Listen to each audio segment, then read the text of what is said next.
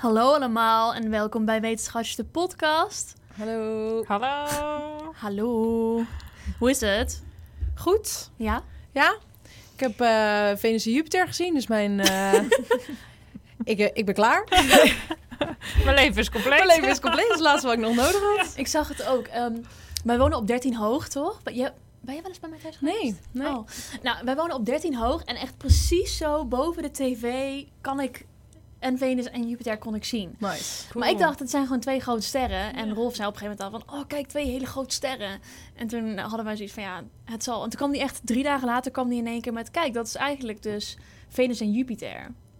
Zeg ik dat goed? Ja, toch? Ja. Ja? Ja. Ja. Nou ja, toen eh, vond ik dat indrukwekkend, want het zag er gewoon uit als een ster. Ja. Ja, ik vond het ook wel vet. Als in... Ik, had, eh, ik wilde het graag zien de eerste dag dat het zichtbaar was, maar toen Mhm. Kon ik niet of zo. ik, had, ik was andere dingen aan het doen. Ik was ergens echt binnen. alleen maar Ik naar buiten binnen. te kijken. Ja. Maar dat ging dus niet, want ik was Oh. binnen. En toen eh, dacht ik van, eh, oh, de volgende dag wil ik al sowieso, eh, wil ik het sowieso gezien hebben. En toen ging ik dus soort van naar buiten met het idee van, oh, nu moet ik gaan zoeken. Ja. Maar dat was, dat zoeken was niet nodig. Het was zo bizar fel en Ja. Ik, echt eh, in ik your face? heb het niet gezien, maar ik heb er ook niet moeite voor gedaan. Ja. Dus misschien was ik zelfs wel buiten, maar heb ik gewoon ja, niet gemist.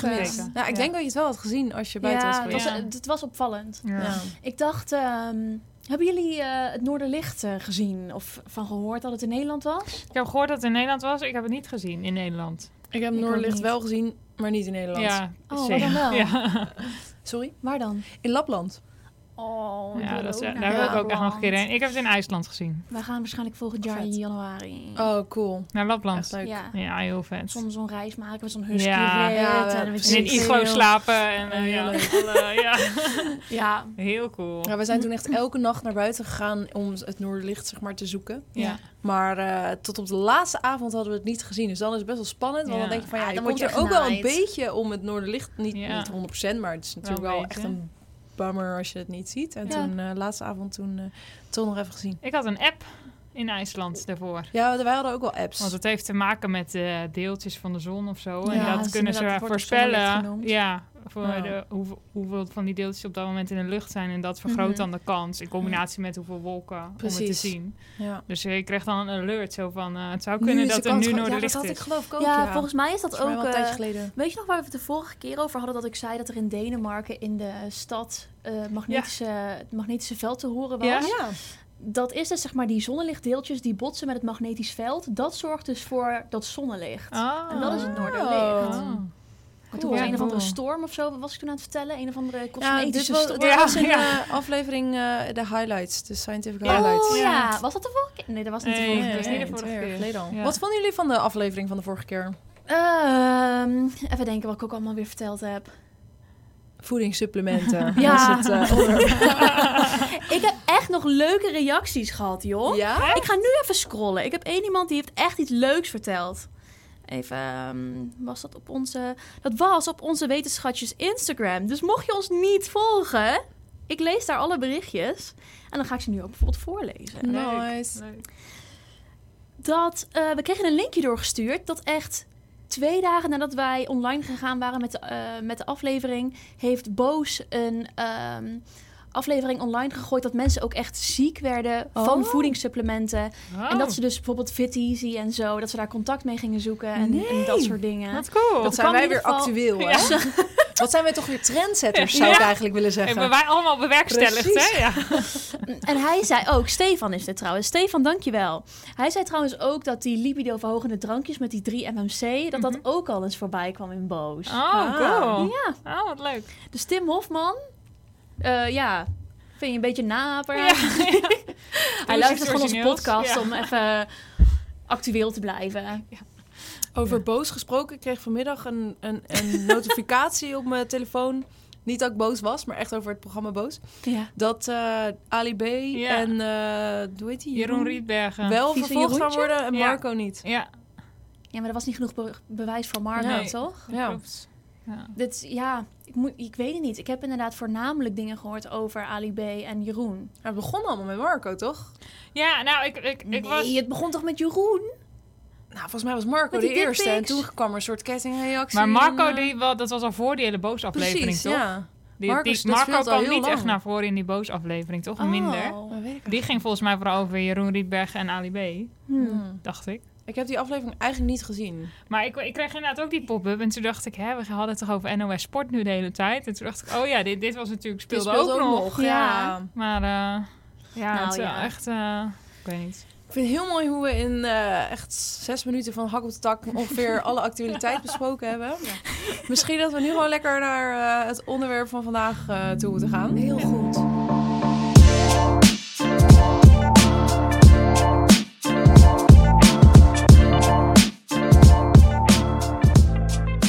Waar gaan we het over hebben? Eh, kernenergie. Ja. Woe! Woe. Dit was altijd echt zo'n... ehm, hebben jullie de stemwijzer gedaan? Ja. Daar heb je ook op een gegeven moment een stelling. Want Ja. ik... Het is de provinciale staten natuurlijk. Ja. Dus ik doe de stelling voor Gelderland. Ik Ja. ook. Ja, ook? Ja, ik woon ook in Gelderland. Ja. Ik voor u. Huh? Ik dacht, ja... Oké, nou, weet je, ik, maakt ook helemaal niet is uit. echt waar. Ja. Maar net Gelderland dan. Nee, best wel, Dat is wel heel erg. best wel gewoon Gelderland eigenlijk. Ja, net. Oh! Nou ja, ik Nou. ben in een kwartier denk ik de provincie uit, ja. Ja, oké. Ik niet. Nee, jij niet. Ja, naar Duitsland? Nee, ook niet. Ja, Duitsland is wel een kwartier. Ja, precies. Waar? Ja. Oh man. Dat had ik echt niet verwacht. Ja, Nee. Gewoon in alle andere uithoeken van de provincie. Maar jij hebt zeg maar, Gelderland heeft ook echt zo'n deukje naar Ja, dat binnen. is hè? waar. Precies ja, ja, in dat, dat is waar. deukje, daar ligt Nijmegen. Oh, dat is ook zo. Dus ja. als ik zeg maar daar, ja, dat is echt niet, dat duurt niet lang, nee, voordat ik daar Nimmer. ben. ja, maar terug naar de, stem, naar de stemwijze. Ja. Daar heb je dus op een gegeven moment een stelling of er, of er meer kerncentrales Ja, in, ehm, in Gelderland. moeten komen. Misschien dan ook in Utrecht. Ja. Als ze daar, eh, Eh, en ik heb echt absoluut geen idee. Nee, dus deze hele niet. aflevering kwam mij geweldig uit. Maar dat, wat, wat ik ook typisch dan vind aan die stemwijzer, dat is een hele andere discussie, maar dan denk ik, ja, nou, oké. En, dan, en dan ga ik, ga ik die stellingen van die partijen lezen. En dan zegt er bijvoorbeeld één partij, er moeten wel meer kerncentrales komen, maar Gelderland is daar niet de plek voor. En toen dacht ik, oh, ja, maar dat kan ook. Ja. Ja. Maar dat is niet wat je me vraagt. Maar ja, er moet Dat een is het. Die provincie zeggen van, oh ja, doe maar zijn hier. zo Ja. het is zo. Dan denk ik, ja, daar ben ik het misschien, misschien ook Ja, maar wel wat mee maakt eens. Weet Gelderland ik niet de plek voor kerncentrales? Nou, dat is het dus. Wat mij betreft hebben wij vrij veel grond, toch? Wij. Wij. Ik heb mijn achtertuin. Enige plek Ja, waar ik het niet geen neer zou zetten is Groningen. Gewoon omdat ik denk van, oh, die mensen hebben wel genoeg meegemaakt. ja, ja. Die, dat is een keertje klaar. Nu moet iemand anders gaan lopen pesten. Precies. Ja, nee, veel, Amsterdammers of zo. Maar zullen we even beginnen bij, bij het begin gewoon... eh, wat is Wat kernenergie? Is kernenergie. Zal ik weer Ja, beginnen Emma, met een definitie? Doe eens, doe eens. Ehm, nou, als je het heel simpel zegt, is kernenergie de energie die in de kern van een atoom zit. Ja. Dus een atoom, eh, moleculen zijn opgebouwd uit atomen. En daar zit eh, eigenlijk in potentie heel veel energie in zo'n atoom. En die energie kunnen we gebruiken om elektriciteit te creëren. Maar eh, om dat te kunnen doen, moet die energie eerst vrijkomen. En tijdens kernsplijting worden atomen gesplitst om die energie vrij te maken. Dus dat is wat er gebeurt. Mhm. Dus in een kernreactor of een kerncentrale is er een serie van machines die die kernsplijting kunnen controleren om elektriciteit te produceren. En dat wordt dan meestal gedaan met uranium, het element uranium. Mhm. En eh, die worden dus gesplitst, die atomen van uranium. En dan komen er kleine deeltjes vrij en die noemen we neutronen. Eh, en die neutronen zorgen er dan weer voor dat andere uraniumatomen splitsen. En zo wordt die kettingreactie dus eigenlijk in gang gezet. En die energie die daarbij vrijkomt, die creëert heel veel hitte. Mhm. En nu zit er dan water om die kernreactor heen, deels om het af te koelen. Maar daardoor, die hitte gaat dus naar het water toe. Daardoor krijg je stoom. En die stoom kunnen we opslaan als energie. Met Mhm. behulp van een generator of iets. eh, Nou ja, gewoon Stoomturbines. hoe stoom werkt. Ja. Ja. Dus dat is hoe, eh, hoe kernenergie eigenlijk eh, in essentie in elkaar zit. Dus die, dus die uranium, ze gebruiken dan geloof ik uranium, niet geloof ik, heb ik opgezocht. Uranium 235. klopt. Daar schieten ze dus een ne- neutron op af. Ja, En dan splijt uranium in twee verschillende atomen, ja, die van lichtere massa zijn. ja. En dus die massa die soort van vrijkomt, die wordt dus omgezet in warmte. Ja, energie wordt, komt vrij, ja. Precies. En er komen dus weer meer neutronen vrij, Ja. doordat het splijt. En die botsen dan weer tegen andere uraniumatomen. Dus het wordt een soort enorme Precies. botsing eh, netwerk. Dus al met al is het dus de uranium die opsplitst in twee nieuwe atomen. Neutronen die weer verder eh, gaan. Ja, Dus de energie die erbij Mhm. vrijkomt. Ja. En de straling. Ja, dat is eigenlijk alles wat er soort van vrijkomt Ja. als je één zo'n deeltje Ja. of één zo'n uraniumatoom eh, aanstraalt. Ja, Oké. komt inderdaad ook radioactieve straling vrij. Mhm. En ehm, uranium wordt dus veel gebruikt, omdat dat relatief makkelijk splitst. Ja. Dat is op zich wel, vond, Ja, ik wel is, logisch. Nuttig. En eh, het komt best wel veel voor op de aarde, maar dus dat uranium-235 waar jij het over had, dat is eh, best wel zeldzaam. Dat is namelijk minder dan 1% van alle uranium in de wereld, is maar die uranium-235. Oh, Hmm. hoe kom je eraan dan? Nou, je kan dat delven wel gewoon uit, eh, uit bepaalde gesteentes en dergelijke. Oké. Ehm, maar omdat er je natuurlijk ook kernwapens kan maken van dat uranium-235, mogen alleen naties die onderdeel zijn van het verdrag in zaken de niet-verspreiding van kernwapens uranium importeren. Maar en, Hmm. en die zijn dat niet? Nou, er zijn. ehm, Jij bent dat niet? Nee. Nou, ik, in, ik in mijn eentje ben ten eerste geen nazi. ehm, Daarom. ehm, ja, er zijn dus er zijn twee verdragen over kernwapens. Ja. Gaan we het nu over kernwapens hebben? Kunnen we doen. Best. Ja. Ehm, dus je hebt, er is eh, namelijk ook een verdrag in zaken het verbod op kernwapens. Maar moeten we dan misschien eerst even uitleggen hoe dus zo'n, wat het verschil maakt tussen gewoon een kernreactie en Ja. een daadwerkelijk zeg maar een nucleaire kernbom? Want dus er komt dus, komen dus neutra- neutronen vrij wanneer die uranium aanstraalt. En in zo'n kernreactor wil je eigenlijk een één op één reactie. Dus per uraniumatoom dat uit elkaar valt, wil je dat Mhm. die weer één andere aanstraalt. Ja, Er zijn allerlei methoden om te zorgen dat dat gecontroleerd blijft. Daar zullen we het misschien zo nog wel even over hebben. Maar wat er dus eigenlijk gebeurt wanneer we het over zo'n nucleaire bom hebben, dan is het dus, dan krijg je dus inderdaad een soort. ehm, ja, dus dan is het per één uraniumatoom. Daar komen meestal twee of drie neutronen bij. En die gaan dan ook allemaal weer een ander uranium. En dan krijg je dus Mhm. in één keer dat er echt mega veel energie en warmte vrijkomt. En dan krijg je Mhm. eigenlijk zo'n paddenstoel-explosie, Ja. weet Ja. ik veel wat. Dus dat is het principe ja. van die atoombom. Dus dat ligt eigenlijk helemaal niet zo heel ver van een gewone kernreactor. Nee, de, het principe is hetzelfde. Ja. En er komt dus enorm veel energie bij vrij. Daarom is kernenergie in potentie. Eh, kan het ook heel veel, omdat, we he- omdat je heel veel energie kan genereren. Ehm, Maar dat is ook meteen het gevaar. Ja. Want je kan dus in één keer heel veel energie eh, genereren. En als je dat dus op een verkeerde manier doet, dan ontstaat er dus een enorme explosie. Ja. En dat is wat een kernwapen of een kernbom is. Maar dat is dan ook in feite opzettelijk gemaakt. Ja. Dus hoe erg gevaarlijk is het dan? Eh, ja, ik snap dat het nou, gevaarlijk is, want het is een nucleaire bom. Nou, dat Maar is het het. Er wordt natuurlijk heel veel gedreigd, vooral met nucleaire wapens. Dat Ja. is waar. Tussen landen heen en weer. Dus dat, Ja. Dat is het ding, hè? Want ik bedoel, uiteindelijk kan het helemaal niet. Als in, Wat als één niet? iemand begint met een atoombom, dan zijn we er allemaal geweest. Want je moet daar dan toch ook een soort van op reageren. Nou, dat is, dat is waar mensen bang voor zijn. Dus ik vond het wel interessant. Er is dus een verdrag geweest vanuit de Verenigde Naties over een eh, verbod op kernwapens. Dat is in Mhm. eh, 2021 in werking getreden. En dat is een juridisch bindende internationale overeenkomst om kernwapens te verbieden. En dat betekent voor landen die nog geen kernwapens hebben, dat ze het niet mogen ontwikkelen, niet mogen testen, niet mogen produceren, niet mogen opslaan, niet mogen plaatsen, niet mogen overdragen, niet mogen gebruiken. En niet mogen dreigen met het gebruik van kernwapens. Oh. En voor, voor landen die dat dan al wel hebben, die zouden dan een tijdgebonden kader moeten krijgen voor onderhandelingen die moeten leiden tot de verifieerbare en onomkeerbare eliminatie van het kernwapenprogramma. Dus toen dacht ik, nou, dit klinkt in potentie al best wel goed. Ja. Maar het interessante is dat hier hebben 122 landen voor gestemd. Ja. Er was één officieel eh, onthouding en 69 landen hebben niet gestemd. En er was één stem tegen. Mogen jullie raden welk land dat was? Rusland. Nee. China. Nee. Oh. Nederland. Nederland. Nederland? Oh. Ja. Maar Nederland heeft ook een... Als in, we hebben geen eigen atomen, maar wij, hebben, wij bewaren voor Amerika Ja, een atoomboom in Volkel. Oh, ja, dat is waar. Nou, en alle kernmachten en alle NAVO-landen, behalve Nederland dus, hebben gewoon niet gestemd. Die hebben niet gestemd op dit ding. Dus die waren natuurlijk allemaal tegen. Of althans, ze hebben gewoon helemaal niet gestemd. Ze hebben zich onthouden van stemming. Ja, en Nederland heeft als enige la- NAVO-land wel gestemd en tegengestemd. Wa- weten we ook waarom?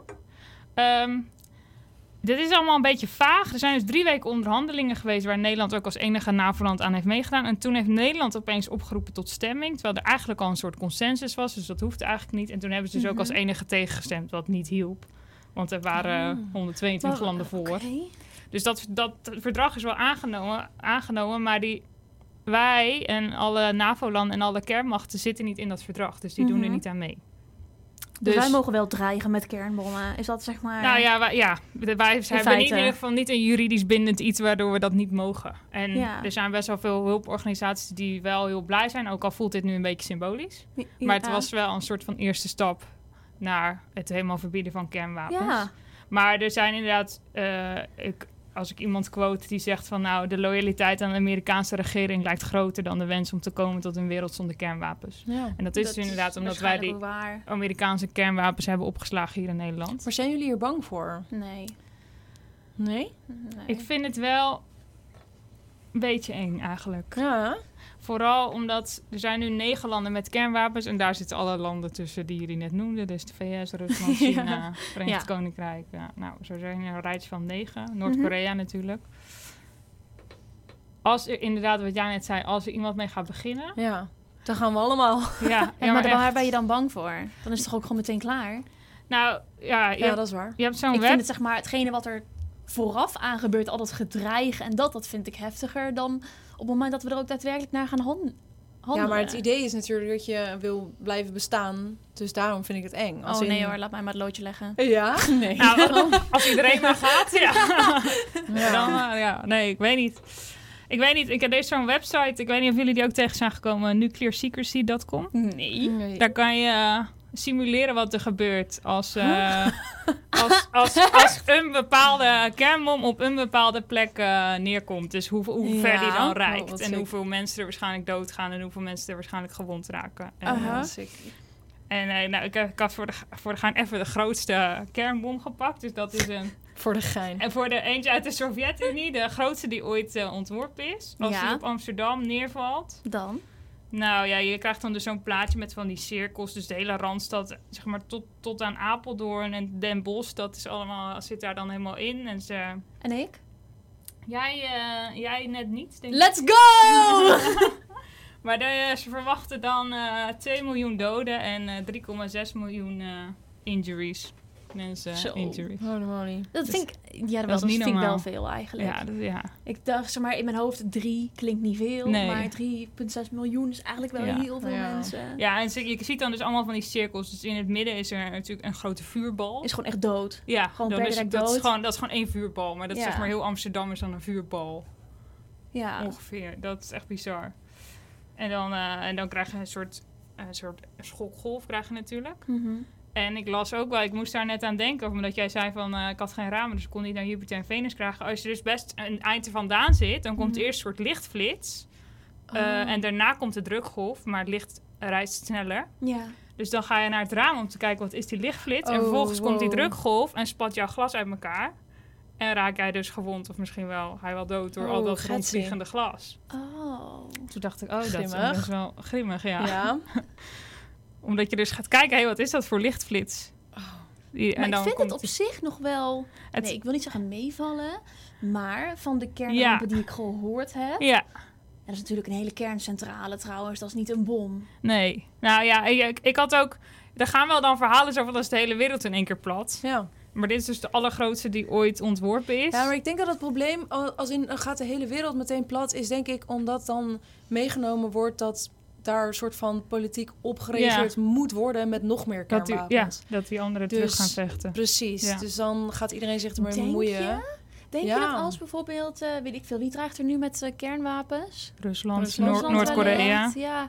Stel je voor dat zij inderdaad een kernwapen op Amsterdam gooien. Nou ja, dan Ja. we trouwens onze hele politiek. Oké, stel je voor dat ze het op Groningen. En alle boys in Den Haag denken dan, oké, we doen er eentje terug. Denk je dat we dat gaan doen? Amerika- Nee, ik denk dat Amerika. Amerika. Amerika ja, doet dan gaat dat. Amerika dat doen. Dat denk ik ook. Is Oh. NAVO-bondgenoot Ja. en dan... eh, Dus het is, niet- dat denk ik ook, ja. Ja, oké. daar, moet, daar moeten we denk ik inderdaad En dan gaat zijn. China, die kiest misschien de kant van Rusland en die gaat dan weer op Amerika. Ja. En weet je wel, voordat je het weet. Ja, en dit is... Ik, als je ook, want ik was benieuwd. Er zijn dus al die NAVO-landen hebben dat verdrag niet getekend. Toen dacht ik, waarom dan? Want hoe ga je nou verkopen aan die mensen van... nou, wij zijn voor kernwapens. Ja. Maar die zeggen dus allemaal... ja, het is een kwestie van nationale veiligheid. We moeten ons land kunnen verdedigen. verdedigen. exact. Dat is Ja, het puur hele idee. omdat andere mensen Ja, dus iets hebben, willen zij zelf ook iets Ja. hebben. Dus als je met de hele wereld tegelijk zou kunnen zeggen... We kappen ermee. We kappen ermee. Dat zou gaan, denk ik. Maar ja, landen als Noord-Korea en Rusland doen Ja. daar natuurlijk nooit aan En mee. weet je, dan denk ik alsnog, dan zeggen we met z'n allen we kappen ermee, maar sowieso dat Poetin er een paar achter de hand houdt en dan Ja. doet Biden Ah, dat die- ook ja, maar. En weet je wel, dus Ja, ik, denk dat gaat niet- ik denk dat we hier niet vanaf kunnen Nee. komen zo. Uiteindelijk zijn ze inderdaad niet te vertrouwen. Maar het doet me wel een beetje denken aan dat hele... ehm, ja, hoe noem je dat? Die, dat geweerswet in Amerika. ja. Dat eh, alle mensen een eh, geweer mogen hebben in ieder geval. Ja. En dat dan het argument is om zichzelf te kunnen Ja. beschermen tegen Ja. andere mensen Ja, met geweren. Ja. Dan denk ik, ja, dat is toch precies precies... hetzelfde. Zo'n soort kip-ei verhaal, hè? Ja. dat is precies gek. Ja. Als ja. we inderdaad gewoon allemaal besluiten van we doen dat niet. Maar ja, dan hebben andere mensen wel weer zoiets van... je hebt ook wel weer meer macht Ja. op het moment dat jij het wel hebt. Ja. Dan kan je meer afdwingen. Dus iedereen wil die monopolie hebben van macht met kernwapens. Ja. En omdat er altijd eentje zal willen zijn... moeten andere mensen daar weer op Ja. reageren. Ja, want Ja. ze willen allemaal de baas zijn en de grootste en de machtigste. Ja, Ja, zo gaat dat dan. Maar goed, eh, de WHO heeft in 1983 dus al geconcludeerd dat eh, kernwapens een van de grootste onmiddellijke bedreigingen zijn voor de gezondheid en het welvaren Mhm. van de mens. dan waren ze op zich nog vroeg bij. Ja, precies. Kom meteen. Dat is, dat is alleen maar erger geworden in de afgelopen 40 jaar. Ja, zeker. Het was ook drie jaar later dat ehm Chernobyl gebeurde. Ja, Die laten we inderdaad weer even teruggaan naar eh, kernenergie en wat daar allemaal mee... Ja, los van Ja. inderdaad het hele van de politieke stelsel. Ja. Ja. Eh, ik kan er wel wat over vertellen. Ik heb daar best wel veel over opgezocht. En ik heb daar ook twee documentaires over gezien. Dat was ik jullie net aan het vertellen. Inclusief dus die documentaire Chernobyl op HBO Max. Die Emma niet gezien heeft. Nee, ik heb Maar die heeft HBO dus- Max. Oh. Ik heb dus op IMDb gekeken. En die heeft een 9,4. Zo, dat is Dat echt, is echt een hoge Dat score. Maar het was ook Zeker echt... IMDb, Zo ja. spannend. Ja, het is ook Echt echt zeg maar een soort van het verhaal wordt uitgespeeld wat er wel zeg maar echt gebeurd is. Ja. Maar dan in een soort van, ja weet ik veel, serievorm. Dat je Oh. echt niet naar een documentaire aan het kijken bent, maar je bent echt aan het kijken naar ja, het leven van die mensen terwijl dat gebeurde. Maar dus inderdaad, de Chernobyl-ramp had je. En dat was in feite eh, de grootste kernramp. Dat eh, vond plaats in de toenmalige Sovjet-Unie. Dat is nu Oekraïne. Daar zijn ze dus nu weer een beetje eh, om aan het vechten. Ehm, en dat werd veroorzaakt door een explosie in reactor nummer 4 van de kerncentrale. En die explosie veroorzaakte vervolgens een enorme nucleaire brand. En eh, die verspreidde dus het radioactieve materiaal waar jij het net over had. Over hele grote delen van Europa en Azië. Dan heb je los van die ramp in Chernobyl, dat vind ik een heel interessant, ga ik zo vertellen. Maar je had ook de Fukushima-ramp in 2011. En dat kwam echt puur door een hele zware aardbeving en vervolgens die tsunami. Dat was in Japan. Ehm, en die, die kerncentrale werd gewoon beschadigd door ehm, die natuurramp. Maar ik vond Chernobyl zo interessant omdat dat echt een menselijke fout is geweest. In plaats van ehm, die Fukushima-ramp die gebeurd is door natuuromstandigheden. Want, oké, wat er dus zeg maar precies gebeurde bij Chernobyl... moet ik deels een beetje voorlezen, want het maakt niet uit. Oké, dus er werd een test uitgevoerd op reactor nummer 4 van de kerncentrale. En tijdens deze test moest de reactor afkoelen terwijl er nog steeds voldoende stroom werd geproduceerd om de turbines van de centrale aan te drijven. En toen vervolgens raakte de reactor, reactor raakte oververhit en toen ontstond er een explosie. En dat leidde dus door die nucleaire brand. En die hield in totaal tien dagen lang aan, die brand. Ja, dat is echt bizar. Echt bizar, ja. Ehm, en op die manier, omdat het dus tien dagen lang aanhield, werden er echt duizenden mensen werden, ehm, blootgesteld aan die straling, maar ook uiteindelijk geëvacueerd. En er zijn dus naar schatting zo'n 4000 tot 90.000 echt doden gevallen. Maar dat is nog steeds super onduidelijk. Want ja, drie keer raden hoe de Sovjet-Unie daarmee omgaat. Ja. Met ja. zoiets. Hebben jullie dat een beetje meegekregen? Nee, maar dat is een beetje hetzelfde als nu de oorlog in Oekraïne, denk ik Dit toch? is echt, Dat, eh, ja, het is allemaal eh, precies en, hetzelfde. eh, ja. precies hetzelfde idee. Ze hebben die ramp echt enorm proberen te minimaliseren en verbergen voor de rest van de wereld. En überhaupt na een paar dagen dat die brand al brandde, werd de omvang van die ramp pas duidelijk eigenlijk. En gaven ze uiteindelijk toe dat er inderdaad een nucleaire ramp had plaatsgevonden. Maar ze deden er dus alles aan om de internationale gemeenschap en de media te ontmoedigen om überhaupt de hele situatie de- te onderzoeken. Ja. Het is echt insane. Maar het was zeg maar... De ramp had gewoon echt directe gevolgen voor alle landen in omringde van eh, dit stadje. Dat stadje heet Pripyat.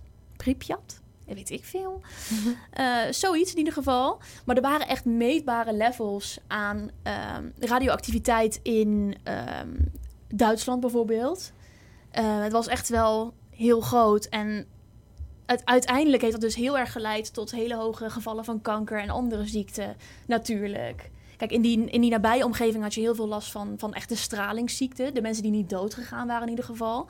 En in die buitenlagen daaromheen heb je zoveel te maken met radioactiviteit... dat gewoon heel veel mensen uiteindelijk kanker gekregen hebben... en alsnog met terugwerkende kracht gestorven zijn aan die ramp in eerste instantie. Ja, en die zitten nog niet in die, wat noemde je net, 4000 tot 90.000 Ja, dat, eh, de- ja, doden. weet je, ze ja, weten ja. gewoon... Die zitten daarbij in. Ja, die zit Daarom is het inderdaad een range van 4000 tot 90.000. Maar ja, je weet niet of er iemand die 60 jaar later overlijdt Ja, aan een of andere longkanker bijvoorbeeld, of Nee. dat een, een Chernobyl-geval is. Ze Nee. kunnen alleen zeggen van deze persoon heeft in de regio gewoond Ja. op een moment. Ja. Ja. En dat dat dan misschien niet meer te vertrouwen is. Maar er zijn ook wel dus best wel veel mensen direct doodgegaan door de, door de brand en zo. Ja, ja. zeker. Nee, helemaal niet zo heel veel. Ja, maar er, zijn wel, er waren ook werkers in de kerncentrale. Ja, ja, daar zijn er. Ik heb op één. eh, ik heb gevonden dat er 31 tot 62 mensen direct om het leven zijn gekomen. Ja. En dat er duizenden blootgesteld zijn aan de hoog stralingsniveau, waardoor er naar verwachting inderdaad, wat ik gelezen, 4000. Maar ik kan me voorstellen dat dat inderdaad een moeilijke schatting is en dat het best wel eens hoger zou kunnen liggen. Maar Mhm. eigenlijk valt, valt het als in, ja, weet je, het is met name dus het grootste probleem is dus omdat er zo slecht gehandeld is, omdat er zo laat gereageerd Ja, is. ja. En ik heb ook wel eens gehoord dat heel veel voedsel weggegooid moest worden en zo. Is Ja. Omdat Ja. al- door al die radioactieve straling wat gemaakt en neerkwam op... eh, Nee, ja, ik kan er wel iets over vertellen hoe dat ook deels gelopen is. Want, ehm, oké, die hele ramp was dus echt het gevolg van een menselijke fout. Ehm, Maar ik ben het daar niet helemaal mee eens. Als in, ik ben het er deels wel mee eens. Oké. Maar ook deels had het te maken met het feit dat het echt een hele oude kernreactor was. Met die niet echt, zeg maar, geüpdate was. Want het probleem wat er dus gebeurde, wat jij net vertelde, ze gingen dus een test doen met dat koelsysteem. Want dus als je, Mhm. er komen dus neutro- neutronen vrij wanneer je dus uranium, uranium splitst. Ja. En ehm, ehm, je hebt een soort neutroon-absorberende controlestaven in zo'n reactor zitten. Die de, die de neutronen die dus niet gebruikt worden opvangen. Zodat je dus inderdaad, wat ik net vertelde, die één op één reactie hebt. Mhm. Als er dus meerdere komen, dan krijg je dus een explosie. En dat is dus wat er gebeurd is in Tsjernobyl. Maar er zijn meerdere ehm, dingen die zo'n kernreactor onder controle houden. Zoals onder andere een moderator. En dat is iets wat inderdaad dus het gekoeld houdt. Daar gebruiken ze hedendaags water of grafiet voor. Maar die kerncentrale in Tsjernobyl, die had die moderator bijvoorbeeld niet. Dus als die kerncentrale onderhouden zou zijn... ja, dan is dat nog een soort menselijke Ja, fout maar natuurlijk. wat je nu zegt klopt ook niet helemaal. Want ze hebben specifiek RBMK-reactoren gekocht. En dat zijn de goedkopere reactoren die meer stroom genereren. Eh, en dat brengt gewoon heel veel risico met zich mee. En ze wisten dus van tevoren al dat ze gingen investeren in hele goedkope reactoren. Dus het was niet Ja. zozeer dat ze oud waren. Maar het was gewoon dat ze op hele risi- risicovolle reactoren hadden geïnvesteerd. En dat eigenlijk niemand die ermee werkte dat wist. Dus op het moment dat er iets moest gebeuren, dan was niemand op de hoogte van de veiligheidsmaatregelen. En dat ze dus het hele systeem juist niet mochten stoppen. Ja. Want op het moment dat ze dus op die stopknop drukten van die temperatuurcoëfficiënt binnen die RBMK-reactoren, dan ging die alleen maar harder. Ja. En dat was gewoon hoe die reactor werkte. Maar dat was van hogeraf niet gecommuniceerd naar lageraf, waardoor lageraf niet wist wat ze moesten doen. Dus ze hebben uiteindelijk die test gedaan op die RBMK-reactor. En die test was ook nooit getest. Snap je wat ik bedoel? Ja. Oh, was dat was nooit de eerste keer dat ze die test uitvoerden. Ja. dit was en de eerste keer dat Oh, ze die man. test uitvoerden. Die test konden ze niet uitvoeren voor die RBMK-reactor, omdat die dus ehm, juist versnelt op het moment dat je die reactie stopzet nadat het dreigt mis te gaan. Want hij koelde dus niet goed genoeg af. Ja. Ja. En op dat moment kwam er dus uiteindelijk eh, smelten die, hoe heet Die dat, controle- regelstaaf ja, dat zijn die Ja, controlestaven. Ja, ja. Ja. Nou, die zijn dus uiteindelijk gesmolten. Ja. Uranium plus water, dikke vette explosie. Ja. Ja. Dan komen we terug op jouw verhaal. Want dat water, dat komt natuurlijk ergens vandaan. Ja. En dat water, dat kwam vanuit een watertank verderop... die gebonden stond aan de rivier van Pripyat, van dat dorpje. Oh. En uiteindelijk is alles in, ehm, in het water gekomen. Want op het moment dat dit dus misgaat... moet ik Oh. heel eventjes kijken... Ik heb echt op elementair niveau, heb ik, eh, mochten we dat willen weten, heb ik zeg maar precies wat er, eh, Nice. wat er is gebeurd. Maar er komt dus eh, dat, dat uranium dat smelt, dat komt in contact met water en uiteindelijk komt er radioactief cesium en strontium vrij.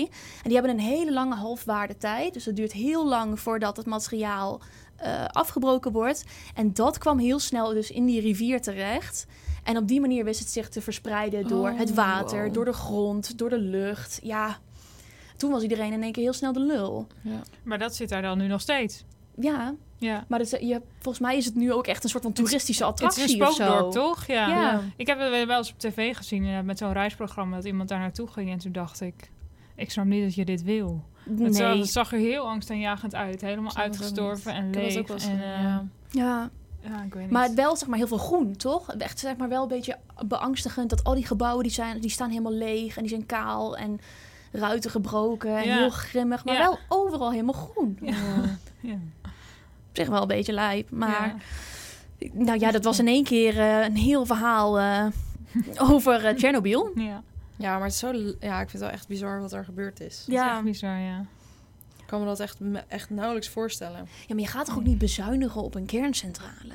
Ja, maar dat, dat is het ding. En vooral als in los van die bezuiniging ook gewoon het feit dat ze zo alles... On, zeg je dat? Onder tafelkleed hebben geschoven? Dat kan je zeggen, toch? Ja, In de doofpot hebben In de gestoken. doofpot hebben gestopt. kop ja. in het zand. Ja, Ja. kop in het zand. En gewoon daardoor... Ja, dus zoveel mensen in gevaar gebracht hebben. Tien dagen lang hè, heeft er een radioactieve brand gebrand. Ja, En Rusland zijn na een paar, nou, de Sovjet-Unie zijn na een paar dagen van, oh ja, sorry, ja. dat zijn wij. Oepsie. Het Ja. feit dat iedereen nu eh, te maken heeft met straling, eh, betekent eigenlijk eh, ja, dat onze kerncentrale geknapt is of zo. Ja, Oh, echt bizar. echt bizar, hè? Terwijl als ze dat meteen gezegd hadden, denk ik wel dat er heel veel meer mensen gered hadden kunnen worden door middel van bijvoorbeeld ehm, jodiumtabletjes. Ja. Ja. Dat kan je inderdaad Ja, of gewoon veel om sneller ook evacueren. Ik denk dat dat de meeste... tuurlijk. eh, dat dat Ja. wel vooral eh, meteen toegeven van jongens, we zijn allemaal de lul, er is iets gebeurd, iedereen Ja. al hands on deck. Precies, dat hadden ze moeten doen.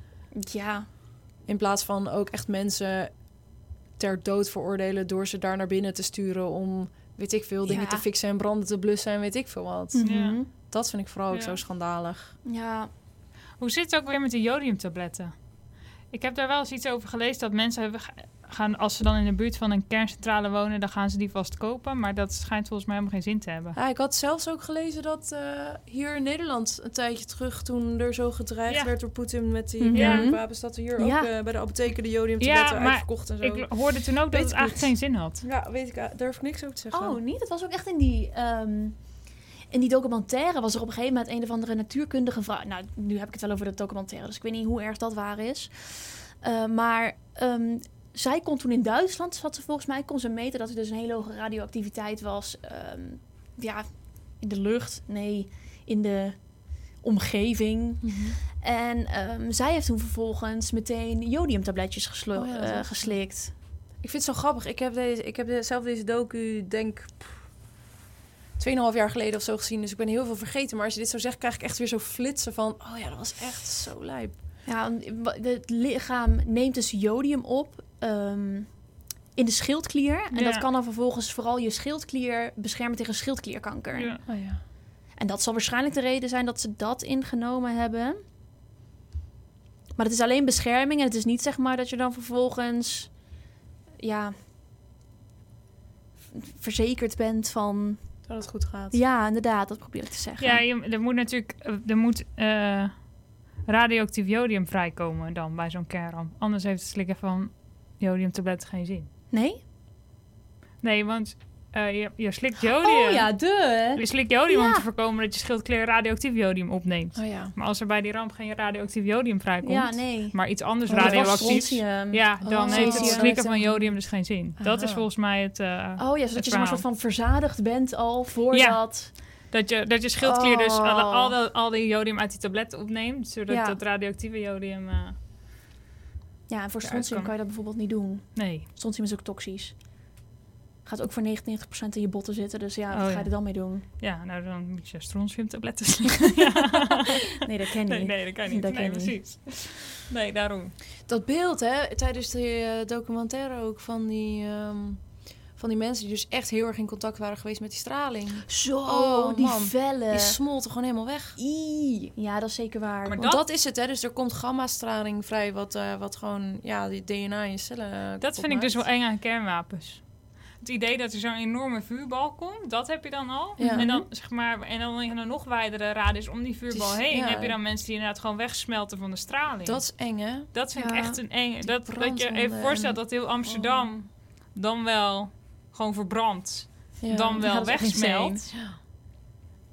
En dan wel zeg Heel maar grimmig. dat alle ramen uit alle gebouwen knappen tot, tot bijna tot aan Nijmegen. Dat, ja. Ja. dat, dat is echt bizar. Ja. Maar goed, dat is in het geval van een atoombom. En Ja. niet standaard in het geval van een kerncentrale. Nee, gelukkig Nee, niet. Nee, gelukkig niet. Wil je nog wat vertellen over Fukushima? Nee, daar had ik niks over, want ik vond het niet zo interessant eigenlijk. Oh. Ik dacht, ja, er is een natuurramp gebeurd. Toen ging er iets aan de tering. Dat snap Ja. ik. Ja, ik vind Fukushima dus eigenlijk wel ook weer wel een vrij bijzonder voorbeeld als we het, Oh, als we het hebben over kernrampen. Want hè, als we het hebben over Fukushima, dan weet iedereen wel wat het is. Maar eigenlijk als we praten over die tsunami en die aardbeving, weten heel veel mensen kunnen zich dat eigenlijk helemaal niet meer zo herinneren. Terwijl Fukushima best wel in ons geheugen ges- geschrift, Gegrift. gegrift, ja. dankjewel, staat. En eh, terwijl bij die, dus die aardbeving zijn 160.000 mensen aan overleden. Dan moet je nagaan. Dan heb ik me, strek ik mijn grote bek open dat niet interessant is. Ja, dat is best wel. Maar ja, dat is de, aanbe- dat is de 2011 aardbeving. hè? Ja, dat is zo? 2011, maart 2011. 160.000 mensen. Sorry, ik zeg het heel erg verkeerd. 160? 160.000 mensen zijn geëvacueerd, heb ik hier oh, staan. oké. Maar, Ik dacht erbij buiten. dus, oh sorry, ik heb hem. 160.000 mensen geëvacueerd. 16 tot 19.000 doden door de aardbeving en de tsunami. Ja, die tsunami weet ik nog wel. Ja. Die was echt intens. Dat was heel intens. heftig. En door die tsunami is er dus een kerncentrale ontploft. Weer eigenlijk eenzelfde soort verhaal, omdat de koelsystemen, nou dit keer dus wel per ongeluk uitvielen. Mhm. En dus diezelfde staven oververhit raakte, bam, explosie. Daar is niemand aan dood gegaan. Da tot er op zekere hoogte misschien één iemand die later gestorven is aan longkanker, eventueel door de straling. Ehm. Maar- dus dat is, daar is dus helemaal niemand aan Hoe niemand. kan dat dan? Er is te weinig straling bij vrijgekomen om daar ziek van te worden. Ja, en ik denk dat er gewoon ook goed gehandeld is en snel geëvacueerd is. Want in een Ja. gebied van eh 200.000 vierkante kilometer is eh, toen afgezet tot op de dag van vandaag. Oh. 200 vierkante kilometer is net zo groot als Amsterdam. Een gebied dus in Japan waar je door straling nog steeds niet kan komen. Want het probleem is dus dat die staven, die liggen daar nog steeds. Die gesmolten Mhm. kernstaven. En niemand kan dat opruimen. Nee. Nee. Dus ze zijn nu bezig met het ontwikkelen van robots. Robots. Ja, dat En dacht ze ik ook aan. hopen om in 2051 het daar weer beschikbaar te maken voor leven. Jeetje. Ja. Oh. Maar dat zou in Nederland niet kunnen. Dat zou in Nederland niet Zo'n kunnen. groot gebied gewoon eh, permanent ontruimen. Nee. Althans, daar hebben we Ja, geen Maar ruimte ja, voor. wij hebben hier ook gelukkig geen tsunamis Nee, dat scheelt. en aardbevingen. Maar dat is wel inderdaad een beetje eng. Dat je met natuurrampen, dat dat zeg maar out of control ja. dus mis kan gaan. ja. Ja. Ja. Want wij hebben hier nu geen aardbevingen, maar... eh, ja, daarom zei ik eigenlijk Ik ook, een beter niet in. Groningen zetten. nee, ja, goed. precies. Ja. Maar misschien moeten we het ook eens even kijken of we wat positieve dingen van kernenergie eh, Ja. kunnen noemen. Gooi er Nou, eens iets positiefs in. Vertel. Jij zegt dit alsof je heel erg anti-kernenergie bent. Absoluut niet. Ik heb nog steeds geen idee wat ik ervan vind. Oh, echt? Ik oh, ben dan er ga ik kijken of ik je nu kan overtuigen. Oké, ja. Go. Want, ehm, nou ja, eigenlijk als we er dus net over, over spreken... Kijk, in Tsjernobyl, dat is verschrikkelijk. En er zijn wel echt mensen bij omgekomen. Ehm, maar toch relatief beperkt. Had Ja. meer beperkt kunnen worden, maar relatief Ja. beperkt. Fukushima is eigenlijk niemand aan overleden.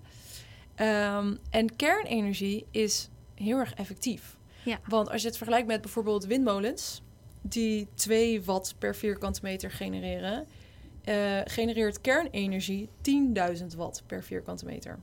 En dat is nogal een verschil. Ja. Dus het is Mhm. een hele, hele, hele efficiënte manier om energie mee op te wekken. Ja.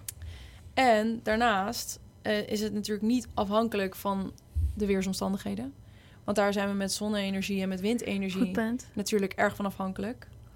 En het is dus vrij van CO2-uitstoot. Dus ja, geen broeikasgassen. Geen broeikasgassen.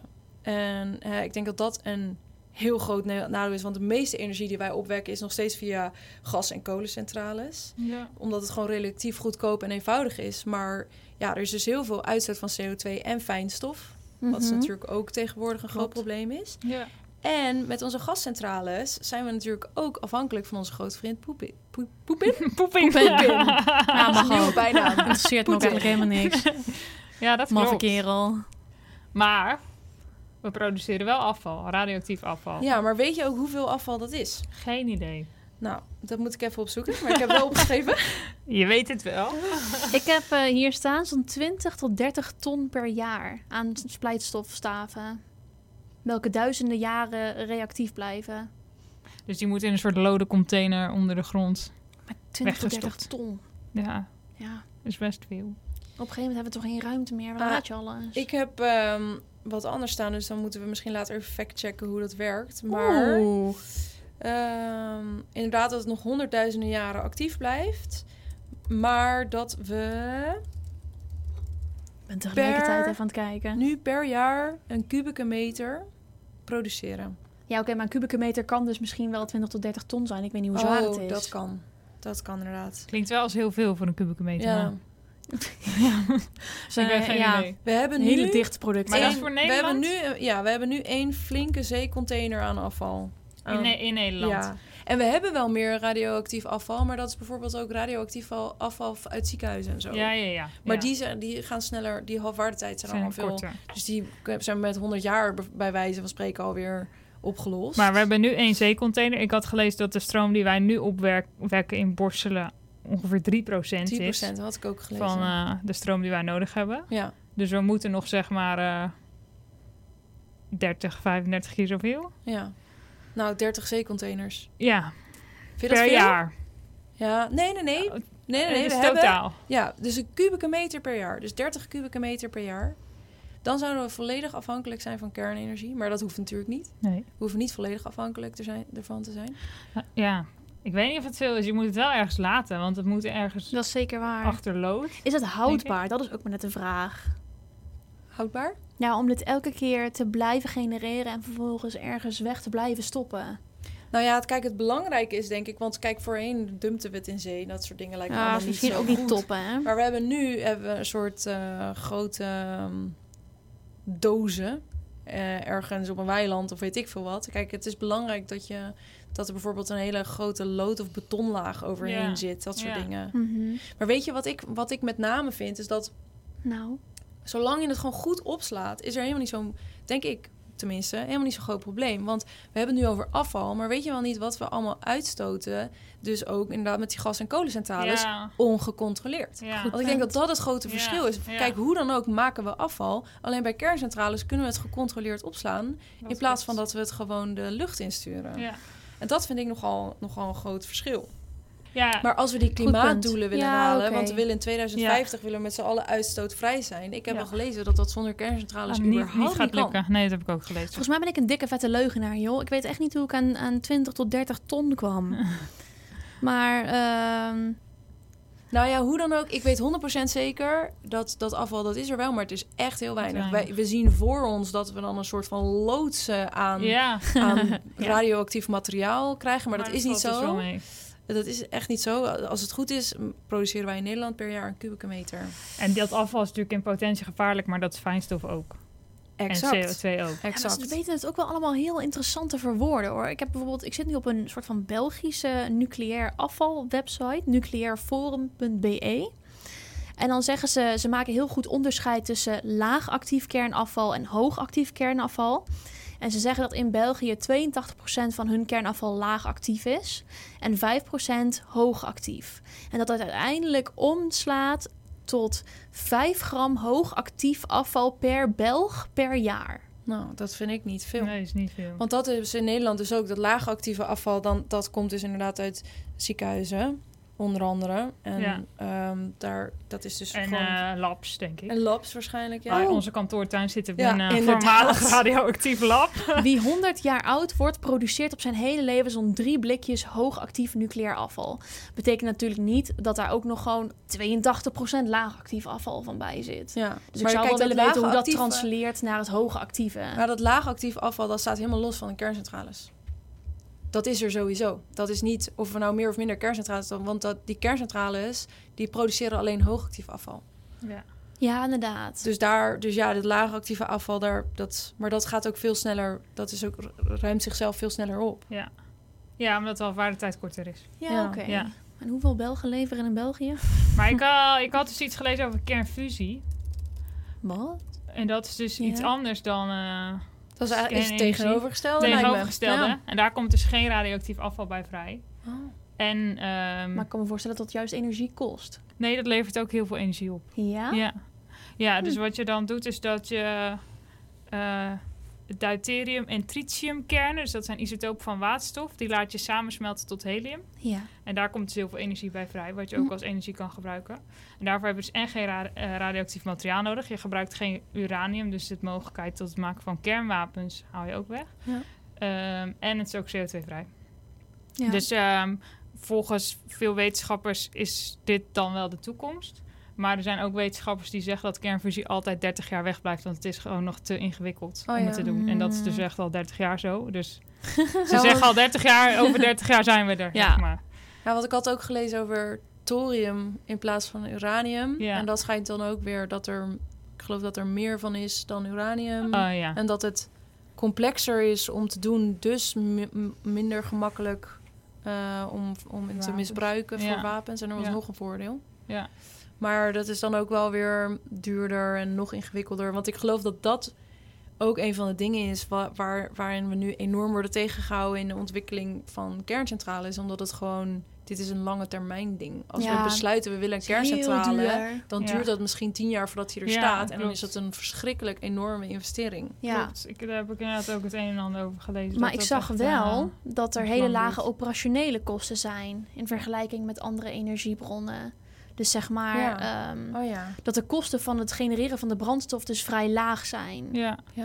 op het moment dat het er eenmaal Als het er staat, eenmaal staat, dan Ja, moet dan het dus precies. Dan gaat exact. maar dat is het ook. En dan levert het natuurlijk ook relatief veel energie op, waar we het net over hadden. Ja, maar ik las kunnen het inderdaad- momenteel wel goed gebruiken eigenlijk. Een eh, generatie 3 kerncentrale. Het aanvragen van de vergunning en de bouw duurt in totaal minimaal 11 jaar. En een generatie 4 centrale die dan veiliger is, efficiënter en minder afval genereert, ja. duurt minimaal 20 tot 25 jaar.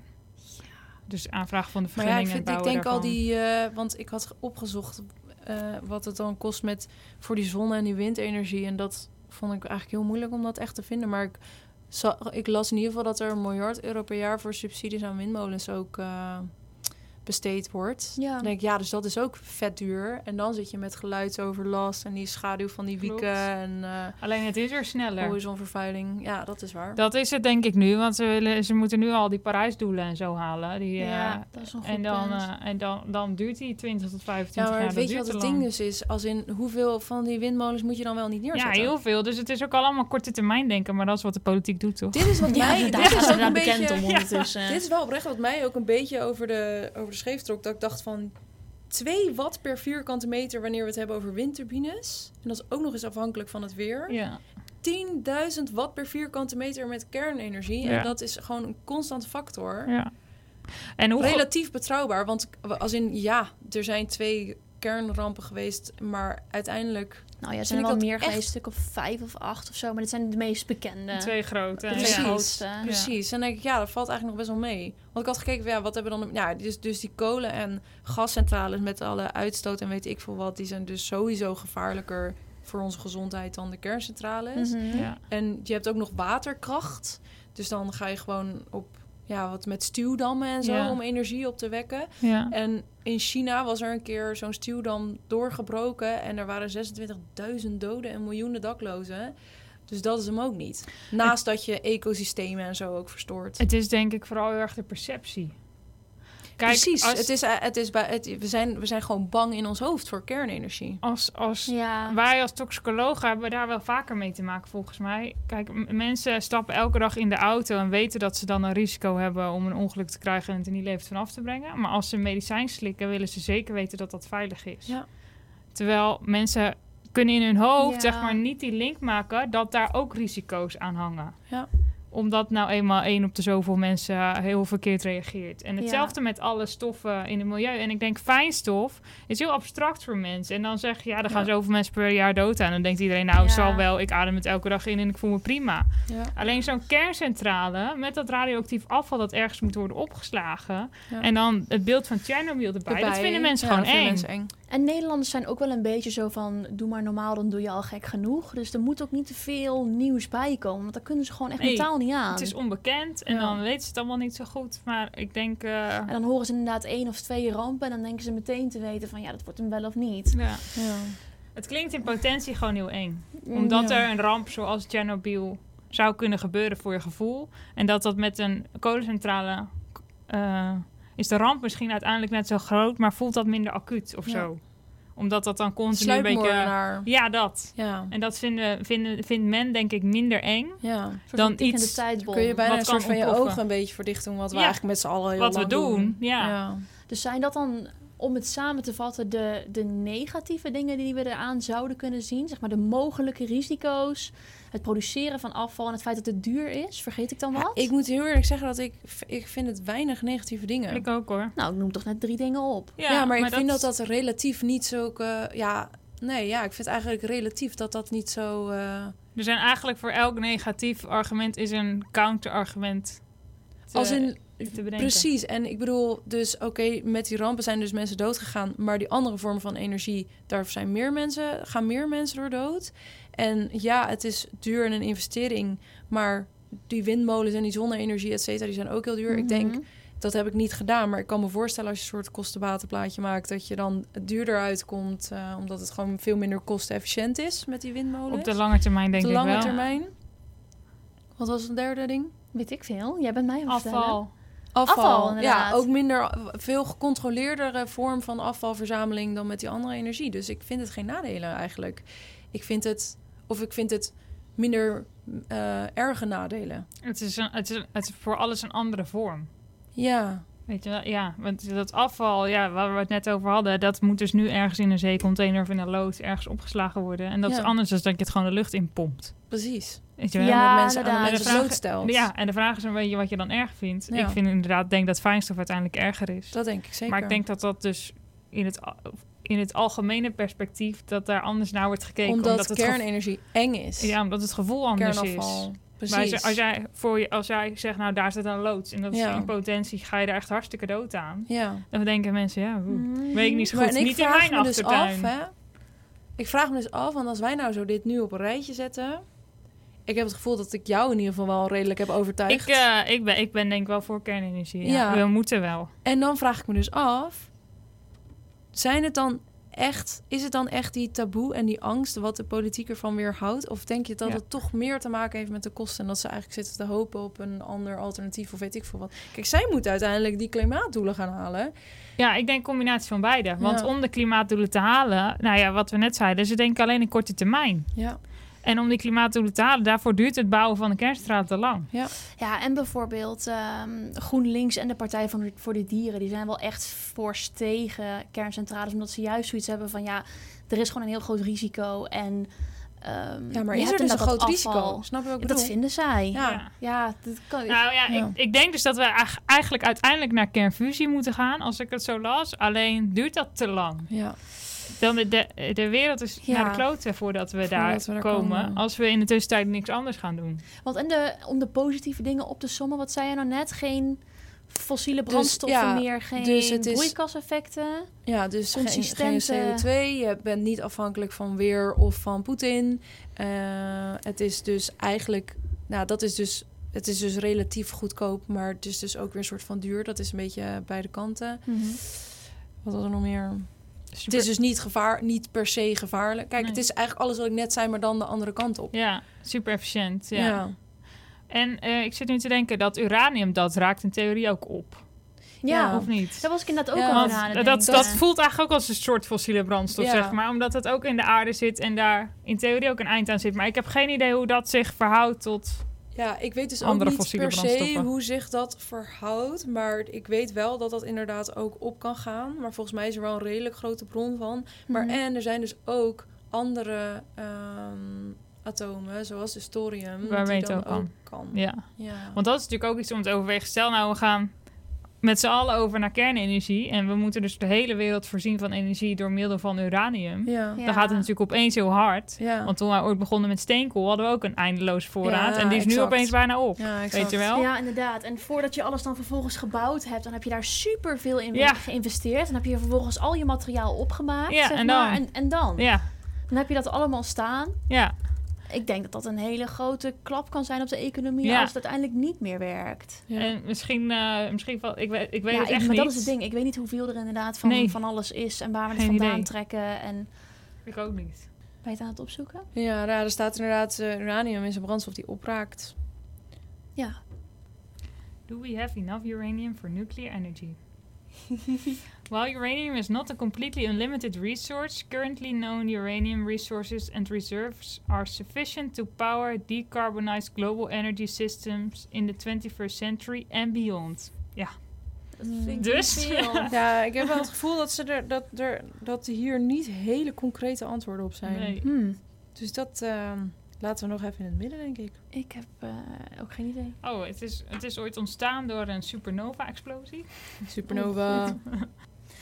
Nou ja, misschien dat we een keertje een postje kunnen doen. Als we eruit zijn, eh, Ja, dan, eh, dan gooi je er weer iets uit wat we ervan weten. ja. Momenteel weet ik het inderdaad ook nog even niet. Nou, Wat vinden jullie ervan nu? Kernenergie? ja, ik ben nog steeds... eh, ik denk nog steeds dat dit wel onderdeel is van de toekomst. In ieder geval is dit een begin, denk ik. Snap je? Ik zeg niet, oh, we moeten voor ons rest van ons leven kerncentrales gaan gebruiken. Maar ik denk dat het in ieder geval een stap in de goede richting is. En dat we vanuit daar dan weer verder kunnen gaan kijken naar wat er nog meer is. Dat is mijn mening.